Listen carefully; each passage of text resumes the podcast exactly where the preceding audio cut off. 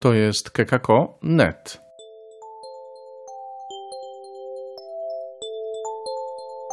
Chrystus zmartwychwstał. Witam Was wszystkich. Między wiarą i nauką. Dzisiaj kolejna czwarta część cyklu poświęconego zagadnieniu stworzenie a ewolucja.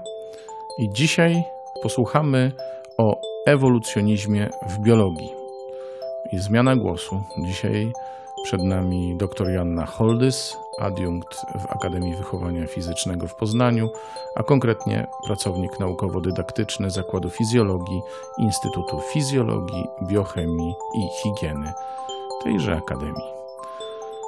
Mam zawsze stres, że nie zapamiętam całego tytułu. Zapraszam. Co było powiedziane do tej pory?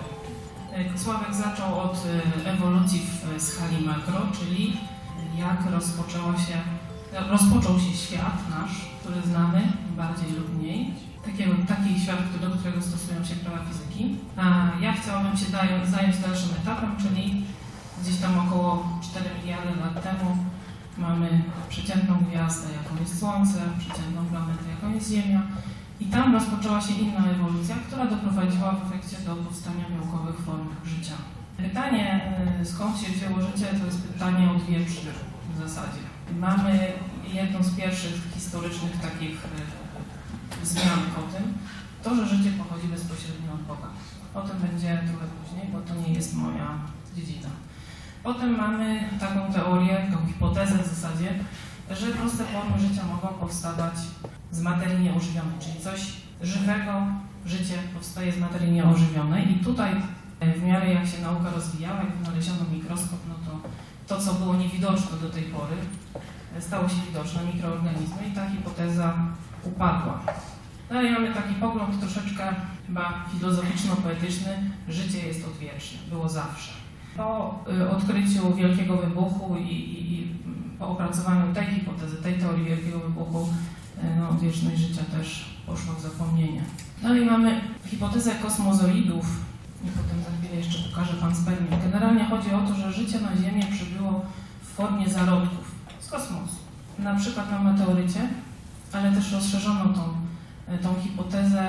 Mogło to się zadziać przy użyciu fal elektromagnetycznych wtedy mówimy o radiopanspermii, na komecie, czy jakieś inne cywilizacje te zarodki życia przywiodły na planetę Ziemię. No i wszystko ok, tylko że te hipotezy wyjaśniały pojawienie się życia może na samej Ziemi, ale nie w ogóle skąd się wzięło życie ogólnie w kosmosie. Także szukano dalej, aż stworzono coś takiego, co się nazywa abiogeneza, a mianowicie powstanie życia z czegoś nieożywionego, czyli tak geneza, początek, powstanie bio, coś żywego, a zaprzeczenie, czyli powstanie życia z czegoś nieożywionego i to jest teoria abiogenezy jako jedyna teoria naukowa.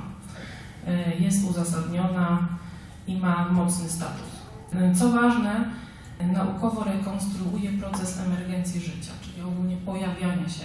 Nie tylko, że ono jest, skok, tylko pojawianie, cały proces pojawiania się życia, które doprowadziło właśnie do tego, co dzisiaj widzimy i, i jak żyjemy. Co ważne, to życie było, to pojawienie życia było niewymuszone. Nie mamy tu udziału czynników pozafizycznych.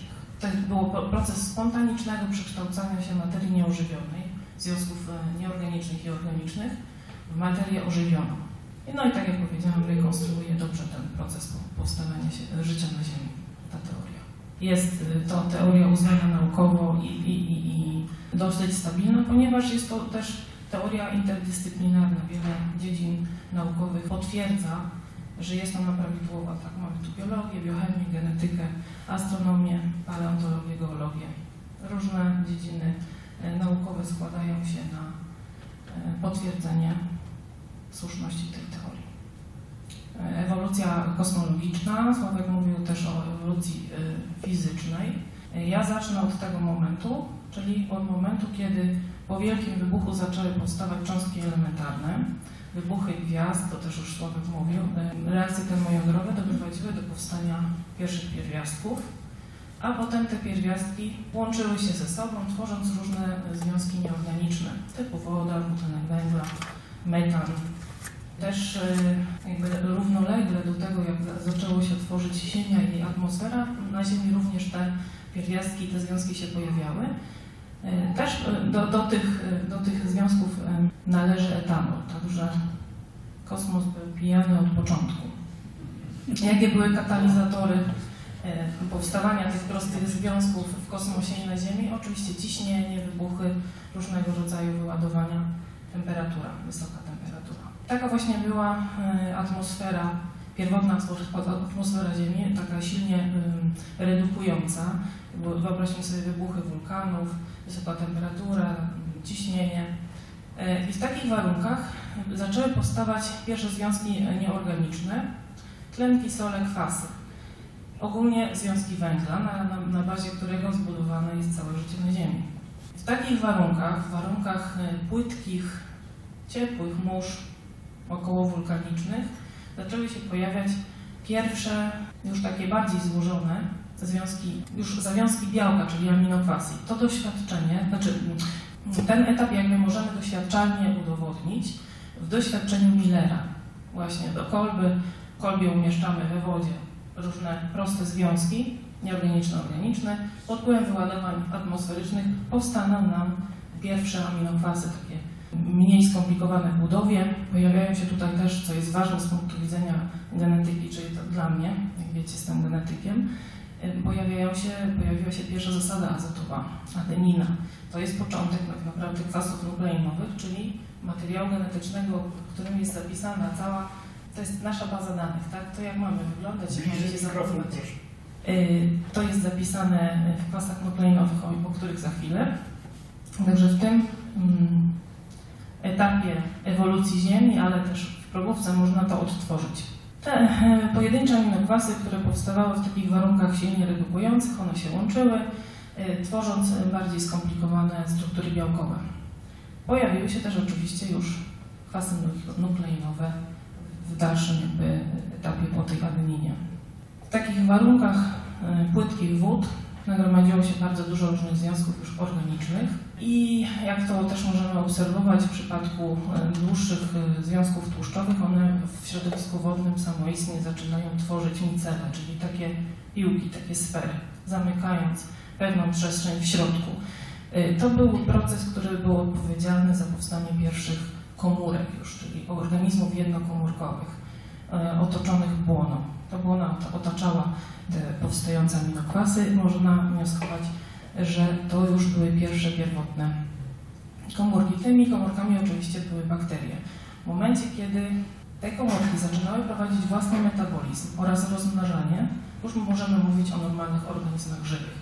Ponieważ to, co wyznacza granicę między życiem a brakiem życia, to jest właśnie własna przemiana materii oraz rozmnażanie, także możliwość powielania własnego materiału dalej. I te bakterie pierwotnej, takiej bardzo beztlenowej atmosferze zaczęły wytwarzać tlen i po pewnym długim czasie atmosfera się zmieniła z redukującej na utleniającą i to dał mm, taki motor takiego kopa do rozwoju wielokomórkowych organizmów, bardziej złożonych. Teraz no to jest trudno sobie wyobrazić tak naprawdę, to łatwo powiedzieć, no, związek y, chemiczny, za chwilę mamy komórkę, za chwilę mamy organizm beztlenowy i za chwilę już tlenowy. Tak naprawdę to nie było takie, takie proste i tak szybko to się nie działo.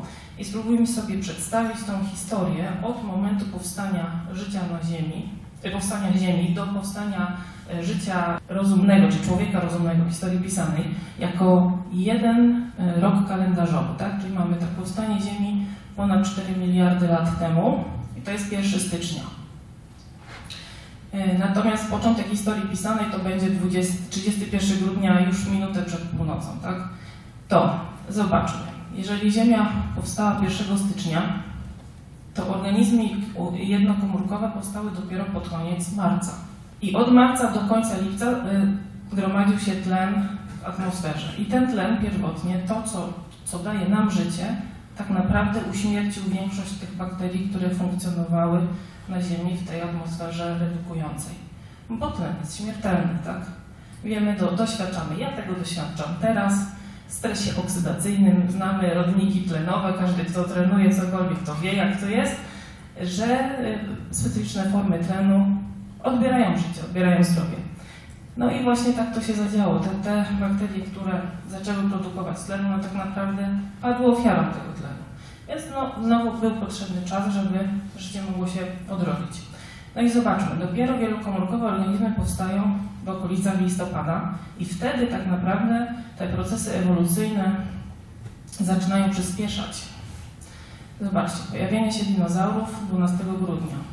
Były na scenie tylko dwa tygodnie, bo już 26 grudnia ich nie było. Pierwszy człowiek rozumny pojawia się 31 grudnia 11 minut przed północą. Tak, a historia pisana zaczyna się minutę przed północą. Czyli to jest jakby niewyobrażalny ogrom czasu, zanim od powstania Ziemi do, doszliśmy w tym procesie, procesie ewolucyjnym do bardzo zorganizowanych form życia. No i właśnie, ewolucja życia to stopniowy wzrost złożoności organizmów, a po mojemu, czyli z genetyki, nagromadzenie bardzo dużej ilości zmian w materiale genetycznym w długim czasie. Ewolucja jest naukowo stwierdzonym procesem. Jakby to jest niepodważalne. Naukowo, to już też Sławek mówił, stawiamy pewną hipotezę, która musi być potwierdzona empirycznie. Najczęściej, najczęściej poprzez falsyfikowanie próbujemy obalić jakąś teorię. No jeżeli się ją da obalić, no to szukamy innej teorii, no, hipotezę stawiamy albo modyfikujemy starą, tak żeby no, dalej drążyć temat. Czyli nie jest to tylko takie moje życzeniowe, tylko po prostu jest to teoria, którą się bada i jest ona przebadana bardzo dobrze.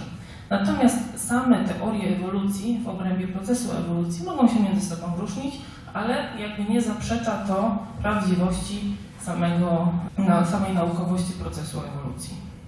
Jak wyglądała historycznie mm, teoria ewolucji o historycznym znaczeniu? Przede wszystkim już na początku, już tak starożytności, Arystoteles, Biblia mówiły o pochodzeniu gatunków, znaczy one powstały i się nie zmieniają. Tak, tak jak mówi Biblia, zostały stworzone i koniec. Natomiast w momencie, kiedy człowiek zaczął stosować e, dobór sztuczny, czyli hodowlę, czyli selekcję pod kątem takich cech, które e, są mu potrzebne z takiego albo innego względu, no to ta, te, ta teoria oczywiście o niezmienności gatunków upadła. I tutaj prosty przykład. Ze świata roślinnego kapusta warzywna, niepozorna roślinka, w zależności od tego, pod kątem jakiej części tej rośliny będziemy prowadzić hodowlę, czyli w zależności od tego, co chcemy uzyskać, czy chcemy na przykład kapustę głowiastą, czy chcemy brukselkę, czy kalarepę, czy jarmuż, brokuł, czy kalafior. Każdy z tych, e, każde to warzywo to jest tak naprawdę jedna rodzina, właśnie kapusta warzywna, tylko pod kątem innej cechy jest wyprowadzana, tak? Tutaj brokuł i brokuł, kalafer pod kątem kwiatów selekcjonujemy. E, jeśli chodzi o liście, no to uzyskujemy jarmuż, pod kątem łodygi uzyskujemy kalarepę i tutaj są e, pączki boczne, brukselka, końcowe e, kapusta głowiasta. Podobnie jest też w świecie zwierząt. Wszystkie rasy znane dzisiaj, rasy psów, tak naprawdę możemy wyprowadzić od jednego pierwotnego praprzodka e, psa domowego, a tego z kolei od wilka szarego, dziko żyjącego, ale chyba to było pierwsze zwierzę, które stało się przyjacielem człowieka i zostało udomowione. Także widzimy, że teoria niezmienności gatunków nie ma racji bytu, nie miała racji bytu. Dlatego poszukiwano dalej. No i mamy taką, taką teorię ewolucyjną jak lamarckizm, gdzie pojawia się bardzo ważny y, z późniejszego punktu widzenia element, czyli najważniejszym czynnikiem ewolucji jest środowisko. Ale też pojawiają się tutaj takie rzeczy jak takie stwierdzenie, jak wszystkie nabyte w rozwoju osobniczym cechy rodziców są przekazywane potomstwu. No, oczywiście nie znano wówczas podstaw genetyki nawet klasycznej, więc y, szybko się okazało, że jest to nieprawdziwe. Niemniej jednak jakiś tam wkład swój ma, ponieważ narządy często używane rozwijają się, narządy nieużywane zanikają. To jest prawdziwe stwierdzenie. Oczywiście w długim czasie, tak? nie, nie bierzemy tego w, w okresie osobniczego życia. Też już jest to w teoriach y, o znaczeniu historycznym, za chwilę powiem dlaczego, darwinizm. Darwinizm narodził się mm, wraz z książką Darwina o powstawaniu gatunków drogą doboru naturalnego. To był 1859 rok. Rok wcześniej jego tezy zostały e, zaprezentowane mm, publiczności naukowej. Zrobił to razem z Alfredem Wallace'em, ponieważ to, co zostało umieszczone w tej książce powstawaniu gatunków, to jest efekt wieloletniej, ponad 20-letniej pracy, obserwacji Darwina, jakie poczynił na wyspach Galapagos i Ameryce Południowej. Natomiast w tym samym czasie inny badacz, ten właśnie Alfred Wallace, robił to samo w Malezji i Indonezji. Doszli do podobnych wniosków. I co Darwin obserwował? On obserwował i florę, i faunę, i skamieliny, i zachowania różnych zwierząt tam, gdzie podróżował i zauważył, że jest bardzo duża zmienność y, pomiędzy osobnikami w tym samym gatunku. Że one po prostu są inne, chociaż należą do jednego gatunku. E, zauważył też, że dużo więcej osobników się rodzi niż dożywa wieku, powiedzmy, reprodukcyjnego, tak żeby móc przekazać swoje geny dalej. E, czyli więcej się rodzi niż przeżywa. Zauważył, że na danym terenie jest pewna stałość w liczbie gatunków i w liczbie e, osobników w obrębie gatunków. Zauważył też, że no, ponieważ gatunki zajmują pewien obszar, pewne środowisko, no to te zasoby środowiska nie są niewyczerpane, są ograniczone, dlatego osobniki tego samego gatunku walczą o byt, walczą o przetrwanie, żeby móc wykorzystywać te zasoby środowiska, które są dane. O tym, które osobniki przeżyją, które osobniki przekażą swoje y, geny dalej, decyduje dobór naturalny. A dobór naturalny współdziała z adaptacją do środowiska. To znaczy, im lepiej dane osobniki w danym gatunku są przystosowane do zamieszkiwanych przez siebie warunków, tym mają większą szansę na przeżycie i przekazanie swoich genów potomstwu. Darwin widział tak, tą zmienność międzyosobniczą, widział przekazywanie pewnych cech pomiędzy rodzicami a potomstwem, ale nie umiał tego wyjaśnić, ponieważ wtedy jeszcze nie znał prac Grzegorza Mendla. Teoria Darwina, uzupełniona właśnie o genetykę, tworzy nam obowiązującą teorię ewolucyjną, współczesną, którą nazywamy syntetyczną teorią ewolucji albo neodarwinizmem. Tak opiera się ona o to wszystko, co zaobserwował Darwin, plus współczesna genetyka i ta mędlowska klasyczna, i ta później molekularna, która tak naprawdę zaczęła się rozwijać dopiero w latach 50. poprzedniego wieku, kiedy to z, udało się zaobserwować strukturę e, DNA i wyjaśnić te zasady dziedziczenia. Dlatego tu chciałabym powiedzieć, że e, są pewne pojęcia, którymi będę mm, później operować i chciałabym powiedzieć, że tak, genetyka to wiadomo, wszyscy czujemy, ale też wiemy, że niektórzy wiedzą, że jest to nauka o dziedziczności, czyli o relacjach, jakie zachodzą między potomstwem a rodzicami w kontekście dziedziczenia pewnych cech. Tak jak mówiłam wcześniej, klasyczną genetykę e, rozpoczął Grzegorz Mendel, robiąc swoje doświadczenia na, e, na kwiatach, na ogólnie na roślinach grochu. Dalej ważnym pojęciem jest gen, czyli pewna, pewien fragment materiału genetycznego, który niesie ze sobą informacje o tym, jak wyglądamy, o zachowaniu, tak, czy na przykład kolor oczu, wzrost, temperament. Geny są zbudowane z łańcuchów DNA. Teraz powiem trochę więcej. Zestaw wszystkich genów organizmu to genotyp. Natomiast produktem genotypu jest fenotyp, czyli to, co widzimy, to jest fenotyp. To, jak wyglądamy, a to wszystko jest zakodowane w genach, które tworzą nam genotyp. To się chyba potem jeszcze wyjaśni, bo dobór naturalny działa na fenotyp, natomiast cała zmienność pochodzi z genotypu. To za chwilę. Mam nadzieję, że się wyjaśni. Nośnik, e, aktualny nośnik informacji genetycznej to kwas deoksyrybonukleinowy z wyjątkiem organizmów niższych, najczęściej wirusowych, to tam jest jeszcze rybonukleinowy, ale y, y, wszystkie inne organizmy żywe swoją informację o swoim rozwoju osobniczym mają zapisaną w kwasie deoksyrybonukleinowym. On jest złożony z mniejszych cegiełek. Te kuleczki tutaj symbolizują e, zasady azotowe. Bez wchodzenia w szczegóły ACGT, tylko cztery takie cegiełki, tak oznaczone, wystarczą, żeby zakodować informację o około 30 tysiącach genów, na przykład u człowieka, a u roślin jeszcze więcej. Także taka kombinacja wystarczy, żeby właściwie no, prawie nieskończenie wielką ilość informacji zawrzeć.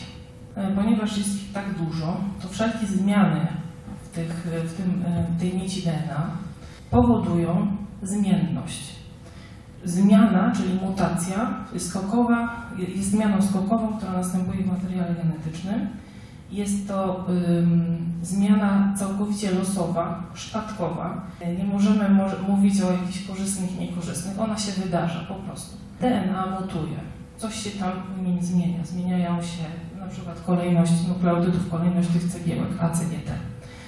Dzieje się pod, to pod wpływem mutagenów, na przykład promieniowanie, ale też wysoka temperatura, e, związki chemiczne, które na przykład e, organizmy spożywają, mogą powodować zmiany w materiale genetycznym.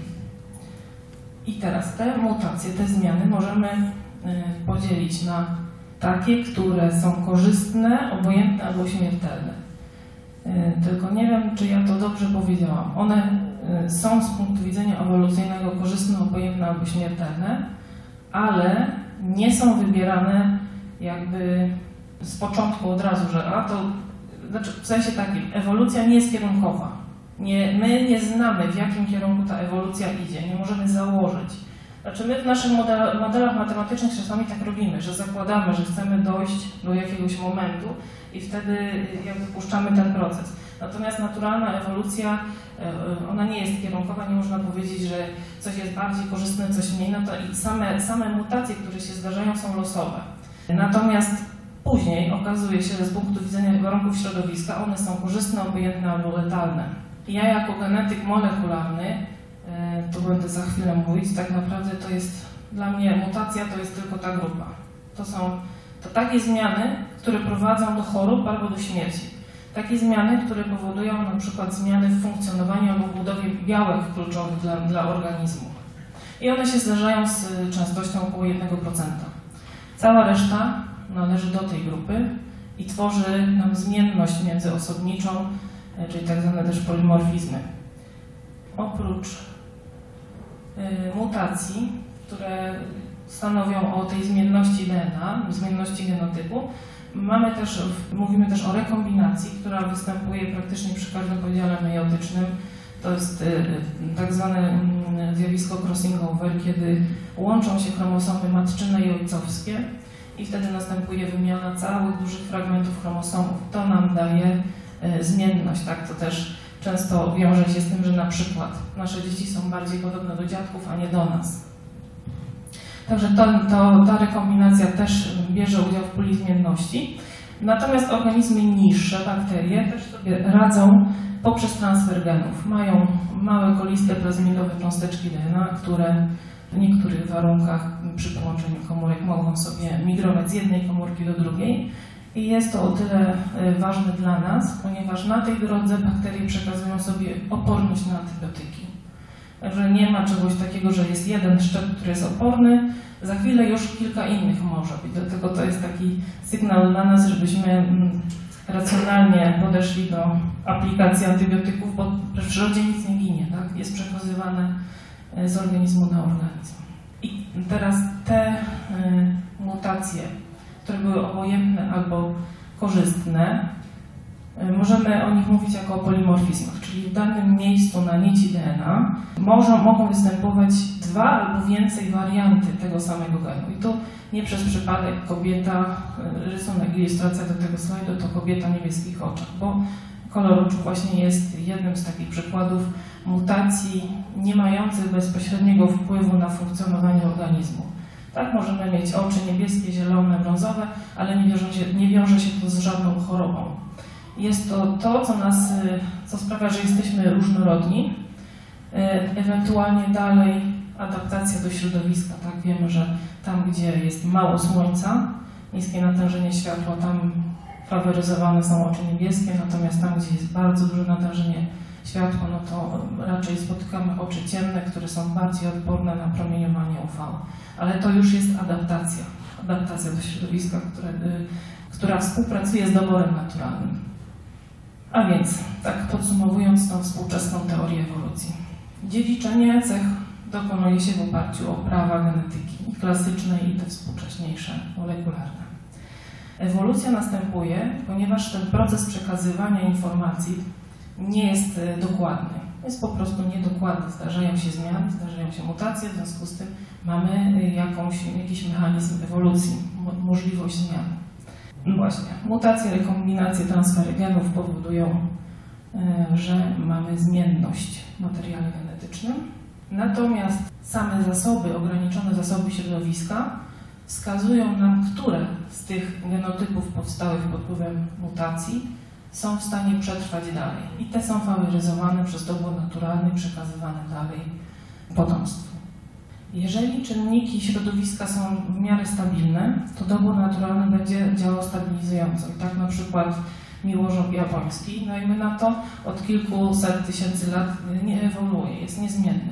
Ale są takie gatunki, które, na których nagłe zmiany środowiska wymuszają szybszą reakcję i wtedy nie są, e, nie są to tak stabilne gatunki, e, wtedy dobór naturalny odrzuca te skrajne i poszukuje tych, które są najlepiej przystosowane do, życia, do przeżycia w danych warunkach. W ten sposób utrwalane są te cechy, które są korzystniejsze dla danego środowiska. I e, tutaj na przykład taka, taka dygresja na podstawie tych zasad już wiemy, że nie istnieje coś takiego jak rasa idealna, tak?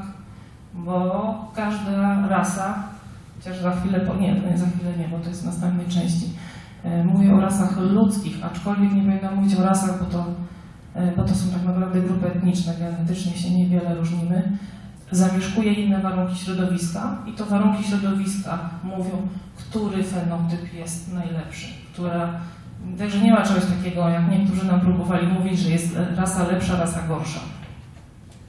A tutaj też jeszcze warto zwrócić uwagę, bo to są zięby. Darwin obserwował zięby, naliczył ich około 14 gatunków tam, gdzie sprawdzał, gdzie, gdzie obserwował, czyli w Ameryce Południowej i Galapagos. I one chociaż się różnią, to tak naprawdę wszystkie, wszystkie należą do, tego, do tej samej rodziny. E, chyba najbardziej pierwotny będzie ten. One się, one się różnią tylko zasadniczo e, dziobem, ponieważ różnią się sposobem zdobywania pokarmu. I tu mamy taki, taki dziób bardzo masywny do łuskania orzechów i nasion. Tu mamy smuklejszy do pożywiania się miąższą kaktusów, a tutaj jak taki podobny do dzięcioła do wydłubywania robaków z drewna. Czyli to, to jest po prostu przykład na adaptację do środowiska, do tego w jaki sposób mogą zdobyć, jakie pożywienie, w jaki sposób E, i ich narządy się zmieniają pod tym kątem. Dobrze, teraz jakie mamy dowody tej teorii ewolucji? Najbardziej taką obszerną, e, obszerną grupą to są dowody kopalne, związane z geologią, paleontologią. E, mamy różne odciski ze skalenia, szczątki kopalne, zmarzliny czy obiekty zatopione na przykład w bursztynie. E, I one są odnajdywane w różnych warstwach, różne mm, gatunki są odnajdywane w różnych warstwach geologicznych. Warstwy są jakby określone, że im głębiej, tym to jest warstwa starsza, a im wyżej jakby powierzchni Ziemi, tym młodsza. I w każdej z tych warstw znajdujemy inne gatunki czyli gatunki się zmieniają. Tutaj też mamy możliwość e, wglądu trochę e, w czas, kiedy one zostały utrwalone poprzez na przykład techniki izotopowe, tak, znakowanie radioizotopowe. Znamy czas półrozpadu określonych pierwiastków, na przykład węgla C14, który jest najczęściej używany i możemy datować takie znaleziska geologiczne bardzo ciekawych no, dowodów dostarcza anatomia porównawcza. I tutaj możemy takie trzy, a właściwie cztery grupy e, zjawisk znaleźć. Narządy homologiczne. Jeżeli zobaczymy na, ten, na tą ilustrację, to mamy e, kończynę górną, czy przednią w zasadzie, bo nie zawsze górna, przednią, człowieka, wieloryba, kreta, konia, czyli to są staki i ptaka. Jeżeli tym samym kolorem oznaczone są e, te same kości, jeżeli na to spojrzymy, to widzimy, że ta, ta budowa jest bardzo podobna. Jest to dowód na to, że cały ciąg y, kręgowców, bo właściwie o nich mówimy, czyli od ryb, ryby, płazy, gady, takiej saki, mamy wspólnego przodka, jesteśmy z jednej linii ewolucyjnej. Potem mamy narządy analogiczne, czyli na przykład skrzydła owadu, które są delikatne, zbudowane z błonki i skrzydła ptaka, które są no, kości, skóra i, i, i pierze, tak, pióra. y, one pełnią tę samą funkcję i jest to potwierdzenie przystosowania do warunków, czyli do latania, przystosowanie do latania, adaptacja do warunków. Chociaż y, jeśli chodzi o budowę, no to nie ma podobieństw. Y, dalej mamy też narządy szczątkowe. Kość guziczna powinno być napisane. No, powiedzmy, wiemy o co chodzi. Kość ogonowa, zęby mądrości. U człowieka też, nie wiem kto ma, można sprawdzić mięśnie, które powodują poruszanie uszami góra-dół. Ja to umiem akurat. Ale są też inne narządy i teraz dygresja pozanaukowa. Po co tworzyć narządy szczątkowe, jeżeli byłoby to w akcie stworzenia biblijnego, to po co tworzyć narządy, które nie są potrzebne? I też mimikra, czyli takie zjawisko upodabniania się gatunków, które są słabsze, do gatunków bardziej groźnych, jako wyraz przejaskrawionej adaptacji. Bo tutaj mamy na przykład ćma, która się upodabnia do osy kolorystyczne, albo patyczaki, czy jakieś inne zwierzątka małe, które wtapiają się w środowisko. To jest wyraz adaptacji, a wiadomo, adaptacja jest związana z procesami ewolucyjnymi. Podobny wzorzec rozwoju. To, to jest slajd, który często nastręcza dużo pytań i wątpliwości. Tak jak ostatnio ktoś mnie zapytał, bo poprzednia edycja była, była w ciąży z Danielem, czy Daniel jest rybą w tej chwili. A o co chodzi? Chodzi o to, że na wczesnym etapie zarodkowym mówimy cały czas o kręgowcach, czyli od ryb do ssaków i naczelnych też. Im jest wcześniejsze stadium zarodkowe, tym trudniej jest od, określić, czy mamy do czynienia z rybą, człowiekiem czy ptakiem. Tak? I to jest to widać tutaj. Jakbyśmy na to spojrzeli, to nie jesteśmy w stanie określić, z jaką gromadą, z jakim organizmem mamy do czynienia. Potem im jest im dalej w tym etapie zarodkowym, tym widać więcej cech charakterystycznych dla danej gromady. Tak, tu mamy rybę, salamandrę, czyli jaszczurkę, żółw, kurczak, królik i, i człowiek. I teraz tak, im dalej jesteśmy spokrewnieni z danymi organizmami, tym nasze, na, ten wzorzec zarodkowy się rozchodzi. Są, tak jak widać, zupełnie inaczej. Ryba wygląda zupełnie inaczej wygląda człowiek, ale im bliżej siebie, tym są bardziej podobne. Czyli tutaj na przykład ta jaszczura będzie podobna do, do ryby, ale już też niekoniecznie do ssaka. To, o czym mówię, właśnie świadczy o wspólnym powodzeniu kręgowców. I im bardziej zorganizowany organizm kręgowy, tym więcej stadiów przechodzi. Tak?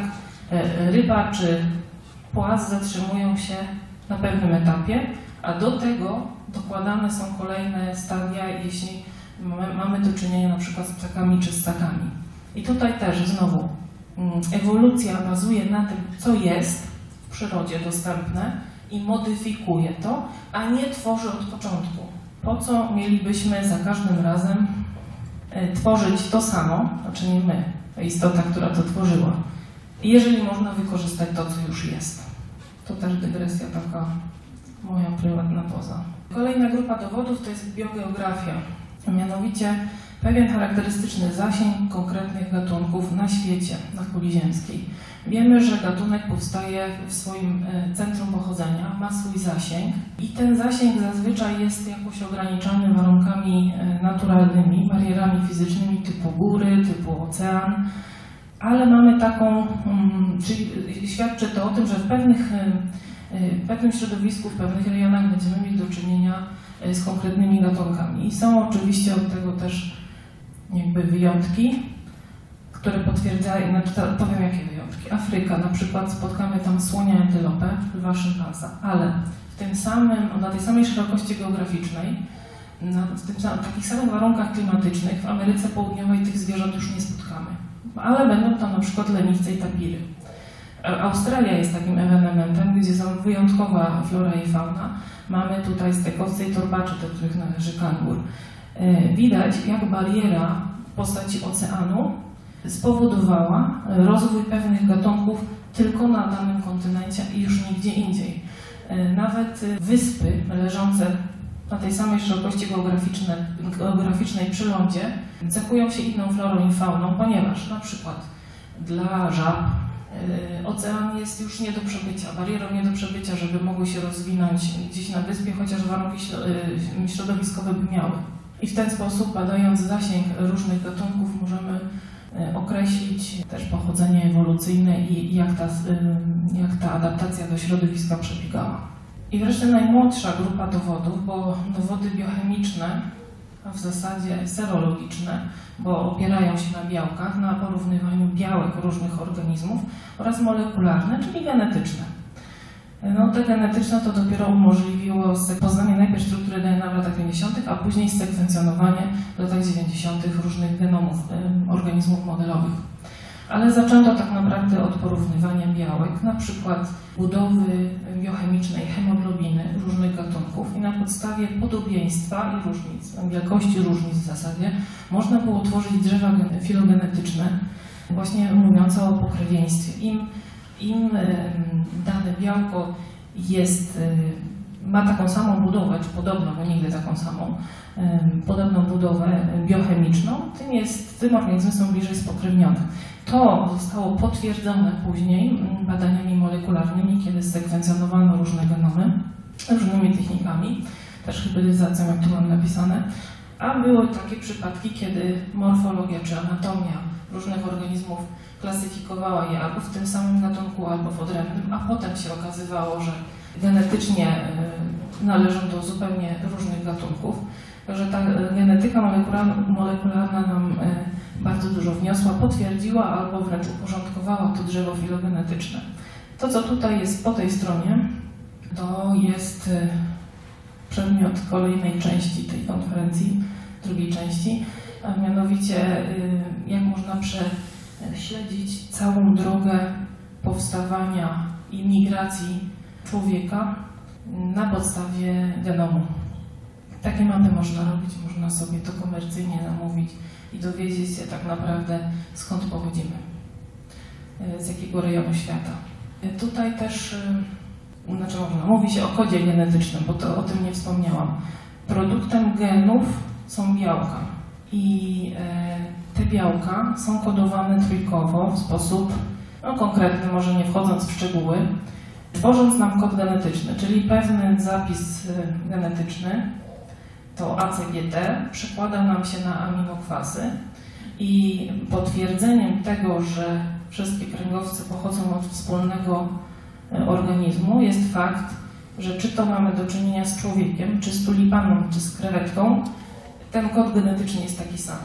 Mówimy o uniwersalnym kodzie genetycznym. Wszystko, cała informacja genetyczna, cały przepływ informacji genetycznej od DNA do białek, do aminokwasów Wygląda tak samo, czy bardzo podobnie, bo są nieliczne wyjątki, e, jeśli chodzi o, o kod genetyczny. Też e, badanie sekwencji genów, albo w ogóle badanie samych genów pod kątem ich aktywności czy unieczynnienia u różnych gatunków e, zwierząt i też człowieka pokazało nam, że jednak ten wspólny przodek jest. Dam taki przykład.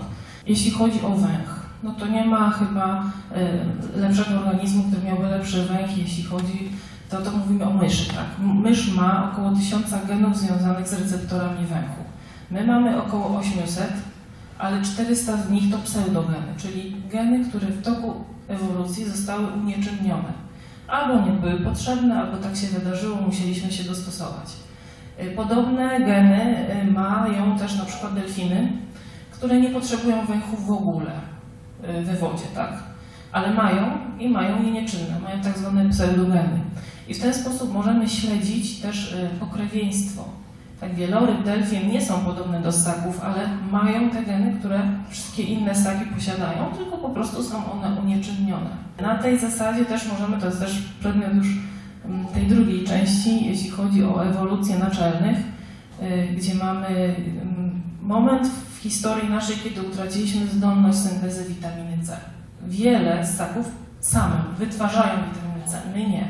Jest tam akurat w genie witaminy C jest y, taki retroelement, czyli prawdopodobnie wbudował się jakiś retrowirus, który unieczynnił, y, uniemożliwił powstanie funkcjonalnej witaminy C, ale to z kolei na przykład przełożyło się na szybszy proces ewolucji u naczelnych. Że wiecie, witamina C jest przeciwutleniaczem i czasami zapobiega wszelkim zmianom w DNA. Jeżeli jej nie mamy, to mamy te mechanizmy osłabione, więcej miejsc mutuje, ale to jest korzystne z punktu widzenia ewolucji, bo ją przyspiesza i umożliwia wykształcenie pewnych innych cech. No ja tutaj o tym to bym mogła długo mówić, ale to może zostawimy coś na następny raz. Podsumowując, fakt ewolucji jest potwierdzony przez wiele niezależnych nauk biologicznych. Teorie ewolucji się różnią między sobą, ale nie przekreślają samego faktu istnienia procesu ewolucji, tak jak różne teorie grawitacji nie przekreślają faktu, że grawitacja istnieje i działa. Także w dniu dzisiejszym prześledziliśmy ewolucję fizyczną, ewolucję chemiczną i biologiczną i tak naprawdę pozostała jeszcze ewolucja społeczna, która będzie przedmiotem częściowo przyszłej, przyszłej, przyszłej konferencji. Miejmy nadzieję, że dostaniemy zaproszenie na część drugą.